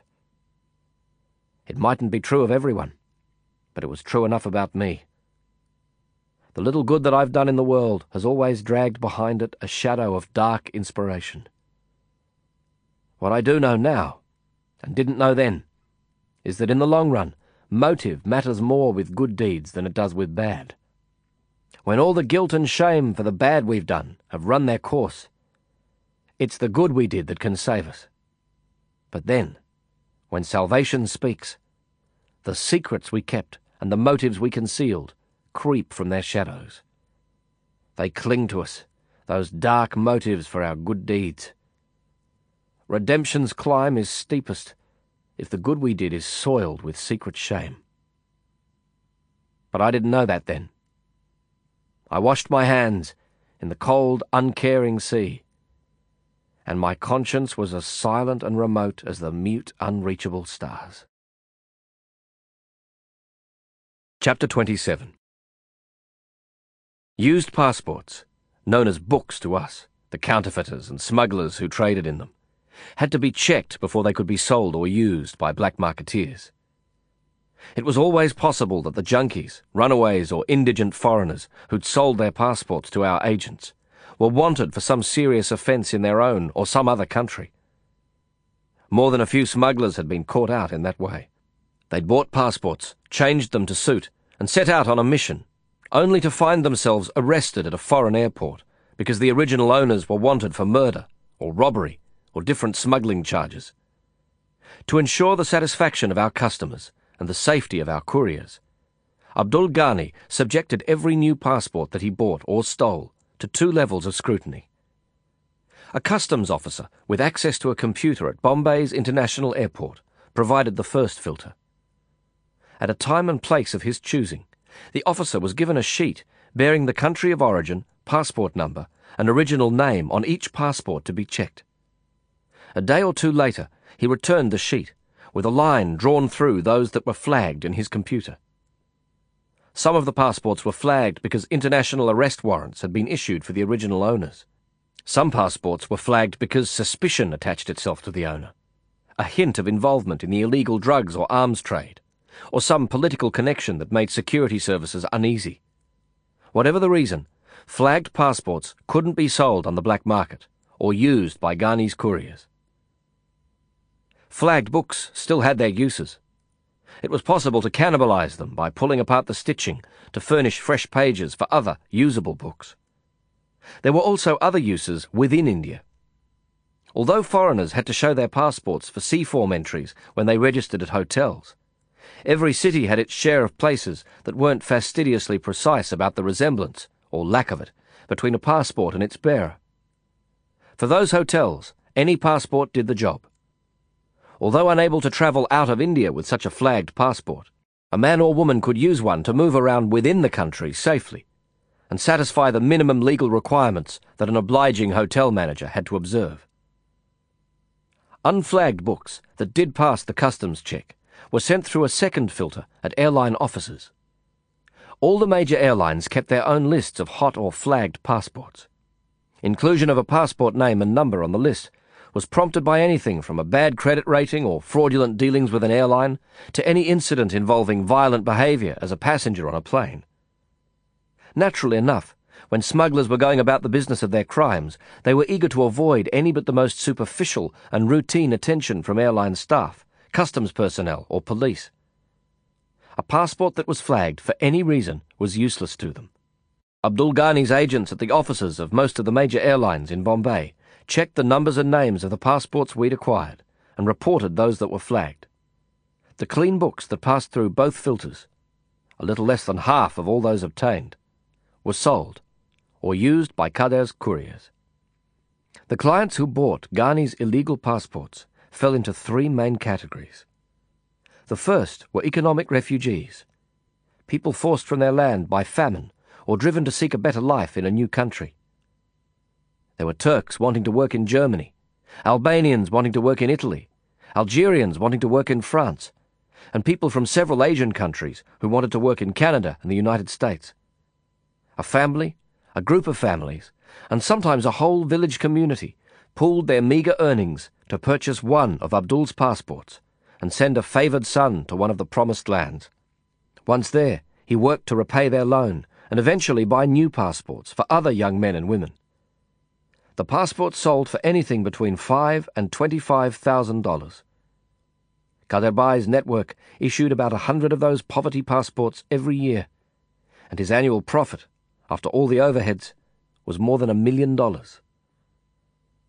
Political refugees made up the second category of clients. The upheavals that sent those people into exile were often violent. They were victims of wars and of conflicts based upon community, religion, or ethnicity. Sometimes the upheaval was legislated. Thousands of Hong Kong residents who weren't recognized as British citizens became potential clients with the stroke of a pen when Britain decided in 1984 to return its colonial possession to China in a 13 year resolution of sovereignty.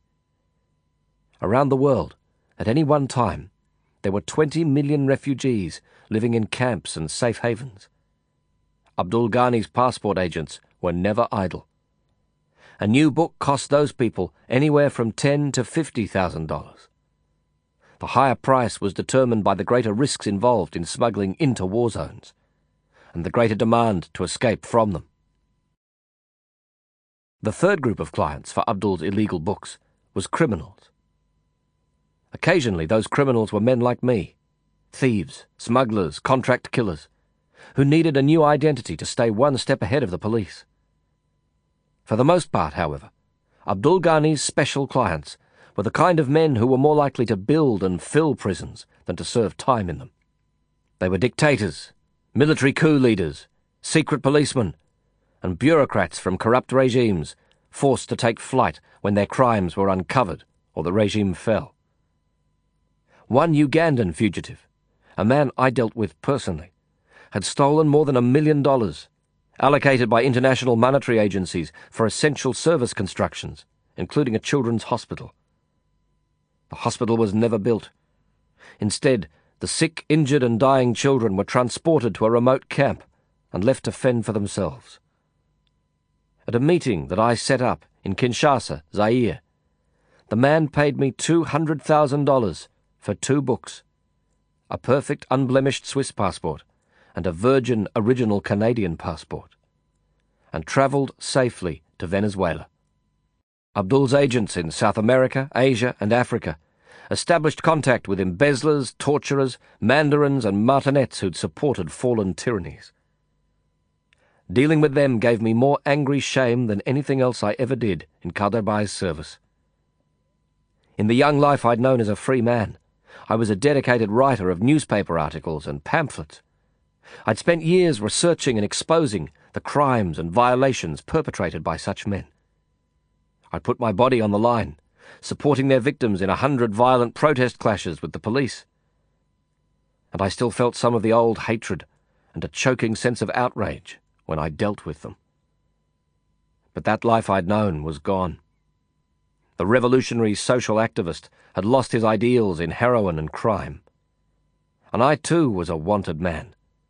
I too had a price on my head. I was a gangster, and I lived from one day to the next with only Kader's Mafia Council standing between me and prison torture. So I played my part in Ghani's network, helping mass murderers to escape from the death sentences they'd passed on so many others and had finally earned from their countrymen in return. But I didn't like it, and I didn't like them, and I let them know it. I drove them to the wall on every deal, taking a little solace from the rage I provoked in them. And they haggled infuriatingly, those human rights abusers, self righteously indignant about spending the money they'd gouged from people's mouths. But in the end, they all caved in and agreed to our terms. In the end, they paid well. No one else in Kader Bhai's network seemed to share my sense of outrage or my shame. There's probably no single group of citizens who are more cynical about politics and politicians than professional criminals. In their view, All politicians are ruthless and corrupt, and all political systems favour the powerful rich over the defenceless poor. And in time, and in a sense, I began to share their view, because I knew the experience in which it was grounded.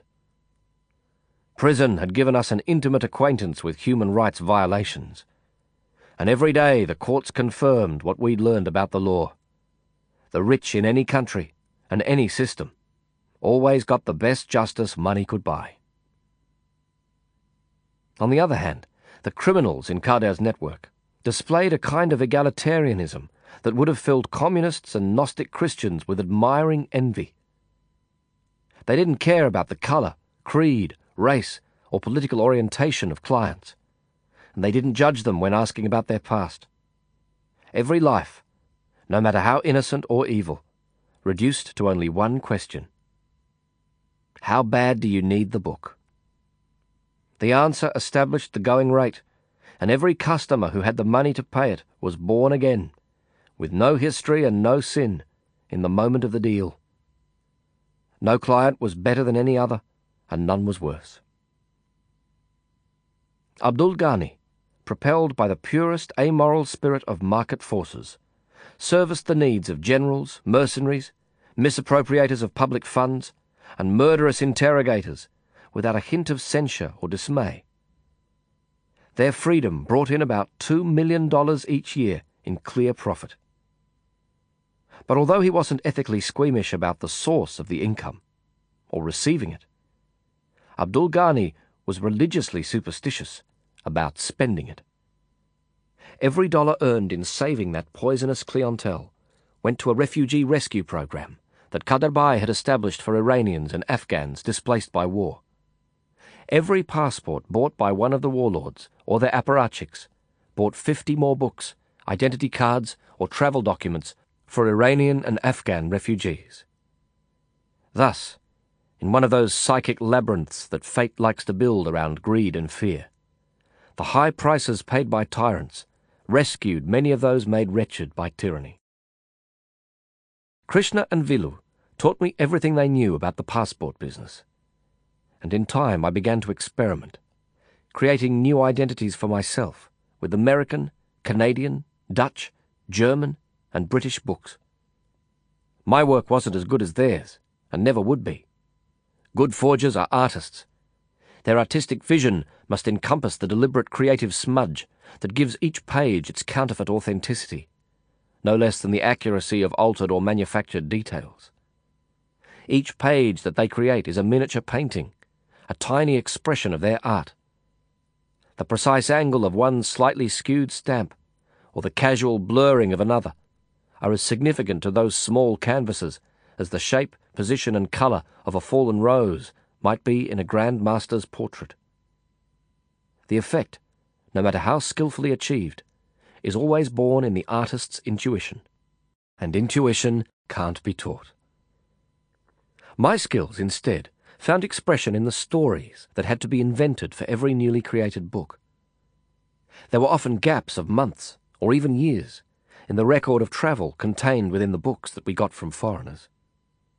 Some had overstayed their visas, and that lapse had to be expunged from the book before it could be used.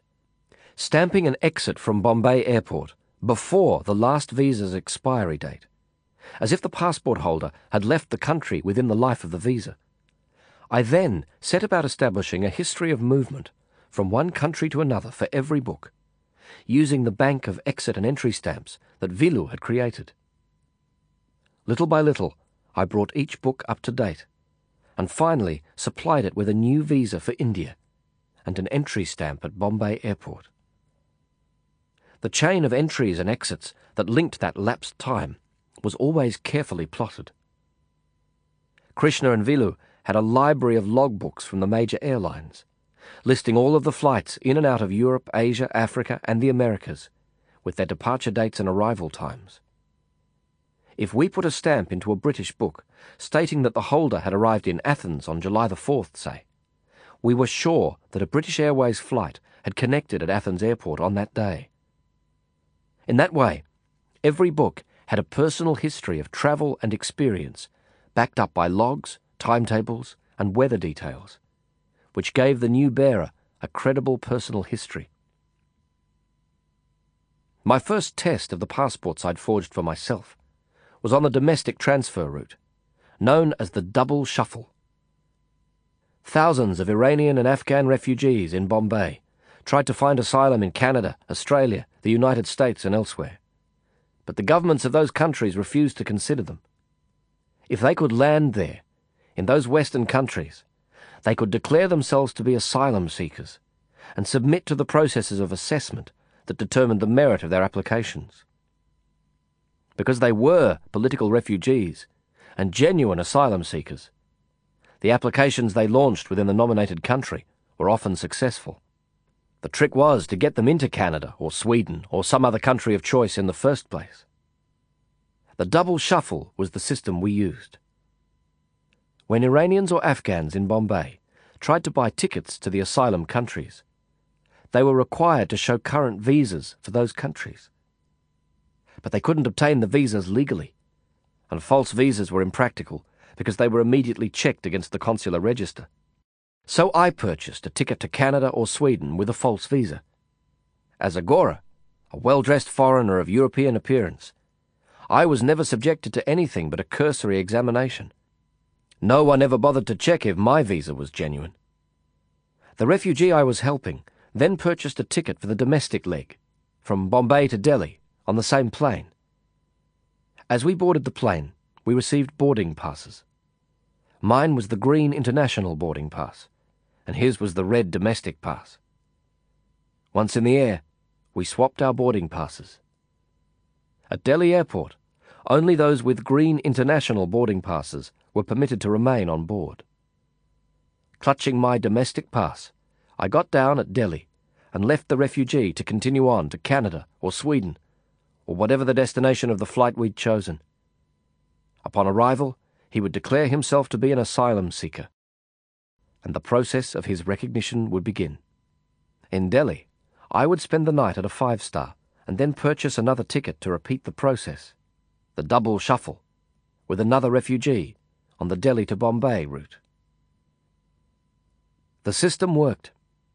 In those years, we smuggled hundreds of Iranian and Afghan doctors, engineers, architects, academics, and poets into their nominated countries. I received $3,000 for a double shuffle, and for a while, I did two doubles per month. After three months of internal flights from Bombay to Delhi, Calcutta, Madras, and back, Abdul Ghani sent me on my first international courier run. I carried a package of ten passports to Zaire. Using photographs of the recipients, sent from Kinshasa, the capital, Krishna and Vilu had worked the passports into perfect counterfeit books.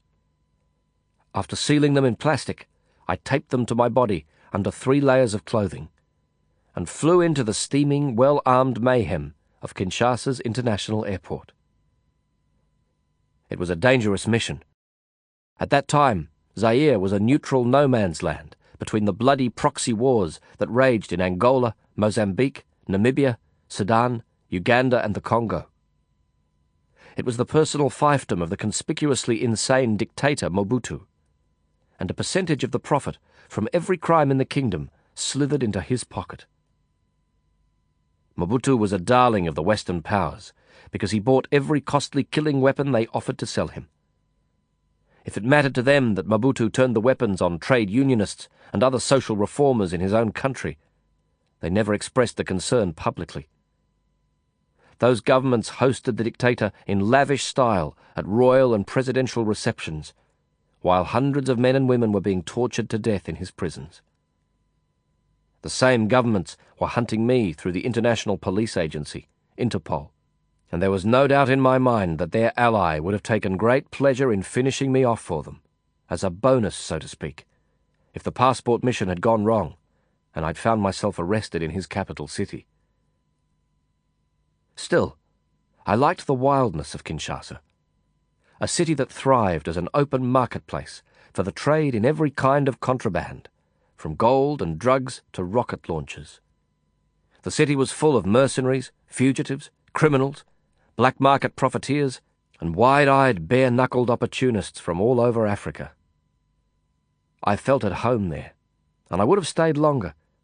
But within 72 hours, I delivered the books and accepted $120,000 in payment. It was Kader Bhai's money. I was anxious to hand it over. I jumped the first flight back to Bombay and reported to Abdul Ghani. What I gained from the mission was 10,000 American dollars, field experience, and an introduction to the African branch of Ghani's network. The network and the experience were worth the risk, it seemed to me then. The money was unimportant. I would have done the job for half the wage or less. I knew that most of the human lives in Bombay came and went much cheaper. More than that, there was the danger.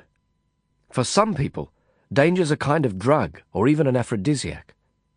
For me, living as a fugitive, living every day and every night of my life with the fear of being killed or captured, danger was something else. Danger was one of the lances I used to kill the dragon of stress. It helped me to sleep. When I went to dangerous places and I did dangerous things, a rush of new and different fear swept over me. That new fear covered the dread that too often worried me awake. When the job was done, and the new fear subsided and passed away, I drowned in an exhausted peace. And I wasn't alone in that hunger for dangerous work. In the course of the job, I met other agents, smugglers, and mercenaries, whose excited eyes and adrenaline fired reflexes matched my own. Like me, they were all running from something. They were all afraid of something that they couldn't really forget or confront. And only danger money earned with reckless risk, helped them to escape for a few hours and to sleep. A second, third, and fourth trip to Africa followed without incident. I used three different passports, departing and arriving from different Indian international airports each time, and then taking domestic flights back to Bombay. The double shuffle flights between Delhi and Bombay continued. The specialist tasks that I performed with Khaled's currency dealers and some of the gold traders kept me busy. Busy enough most of the time, not to think too long and too hard of Karla. Towards the end of the monsoon, I visited the slum and joined Kasim Ali on his daily tour of inspection. As he checked the drainage channels and ordered the repair of damaged huts, I recalled how much I'd admired and depended upon him when I'd lived there in the slum. Walking beside Kasim Ali, in my new boots and black jeans, I watched the strong young men in bare feet and lungis dig and scrape with their hands, as I'd once done. I watched them shore up the retaining walls and clear the clogged drains, ensuring that the slum would remain dry to the end of the rains. And I envied them. I envied the importance of the work and their earnest devotion to it. I'd known it once, so well, that fervent and unquestioning dedication. I'd earned the smiles of pride and gratitude from the slum dwellers when the dirty work was done. But that life was gone for me. Its virtues and its solaces beyond price were as remote and irrecoverable as the life I'd known and lost in Australia. Perhaps sensing my sombre mood, Kasim directed us toward the open area where Prabaker and Johnny were making the first preparations for their weddings.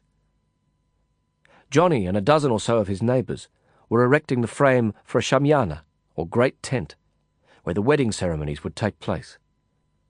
Some distance away, other men were building a small stage where the couples would sit after the ceremonies and receive gifts from family members and friends. Johnny greeted me warmly and explained that Prabaker was working in his rented taxi and would return after sunset. Together we walked around the framed structure, examining the construction and discussing the relative merits and costs of a plastic or a cotton covering. Inviting me to drink tea, Johnny led us to the team of stage builders. My former neighbour, Jitendra, was the supervisor for the project. He seemed to have recovered from the grief that had enfeebled him for many months after his wife's death in the cholera epidemic.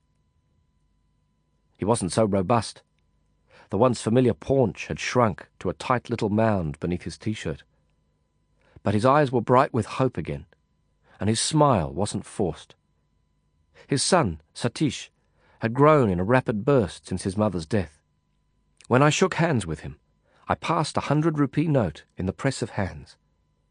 He accepted it just as secretively and slid it into the pocket of his shorts.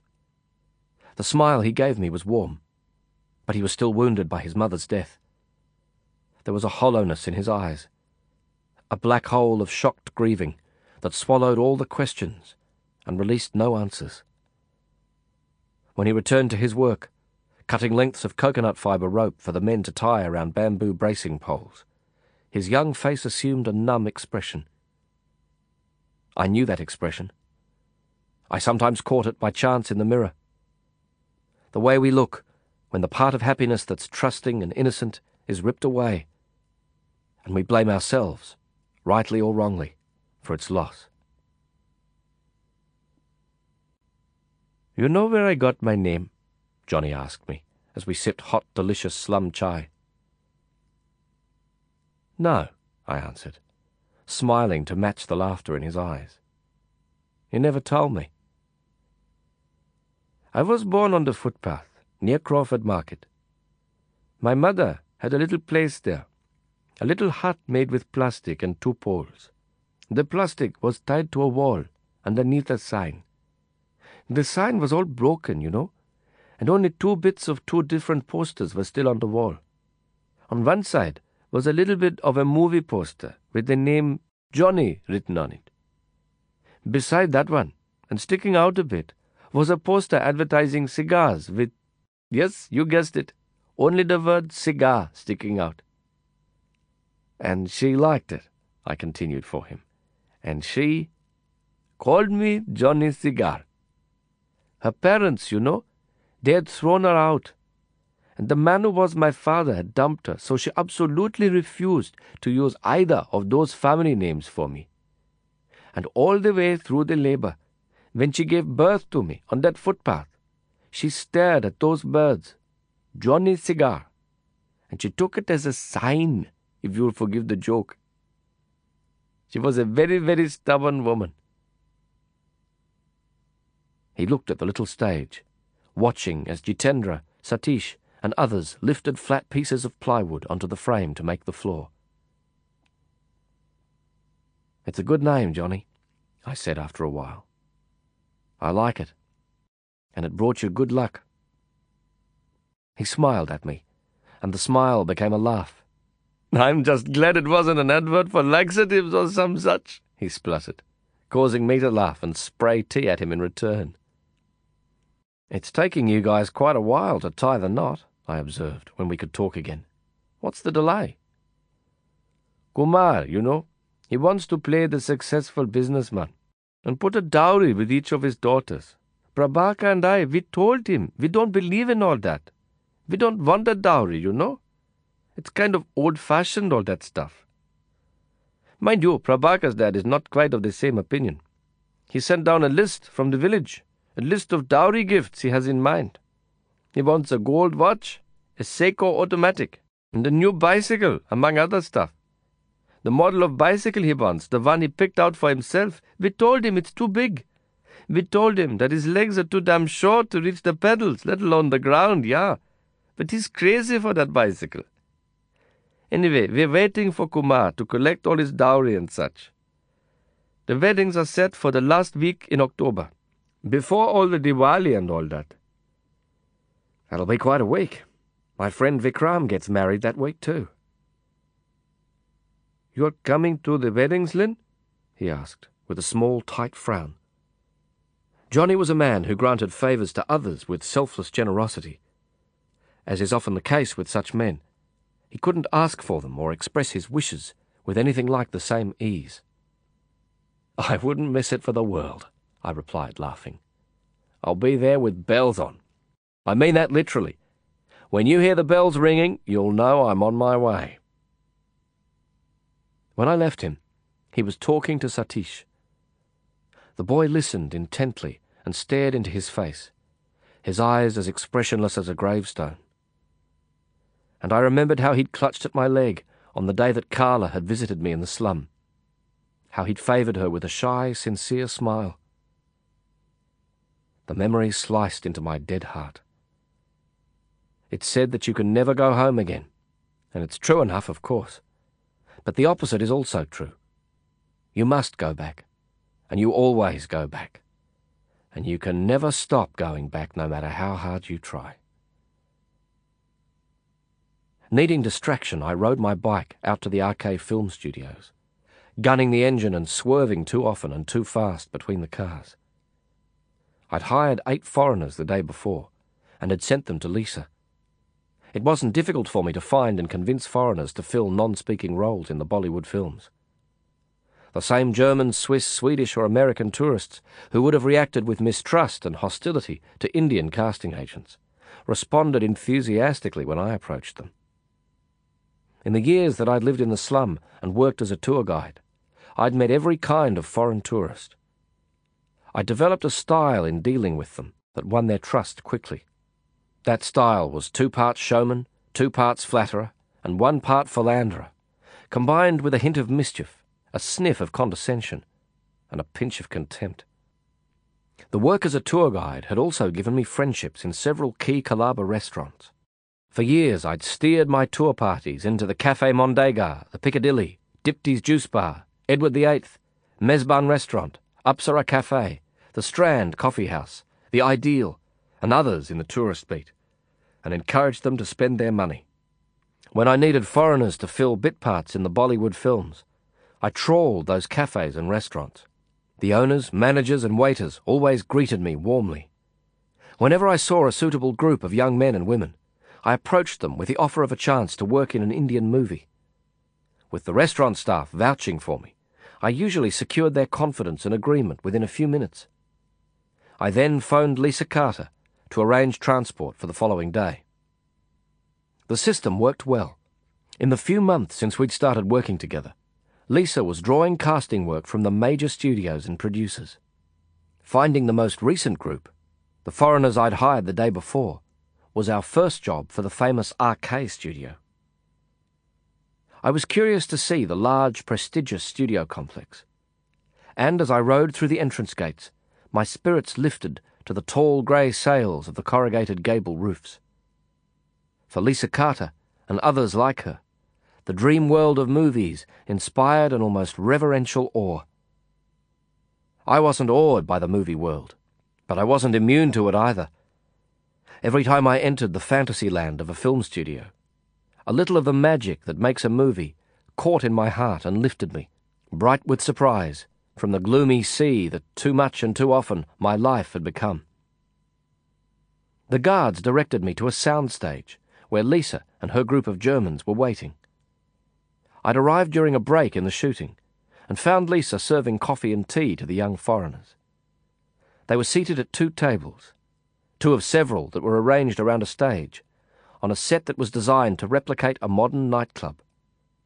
I greeted them, exchanged a few pleasantries, and then Lisa took me aside. How are they? I asked her when we were alone. They're great, she answered happily.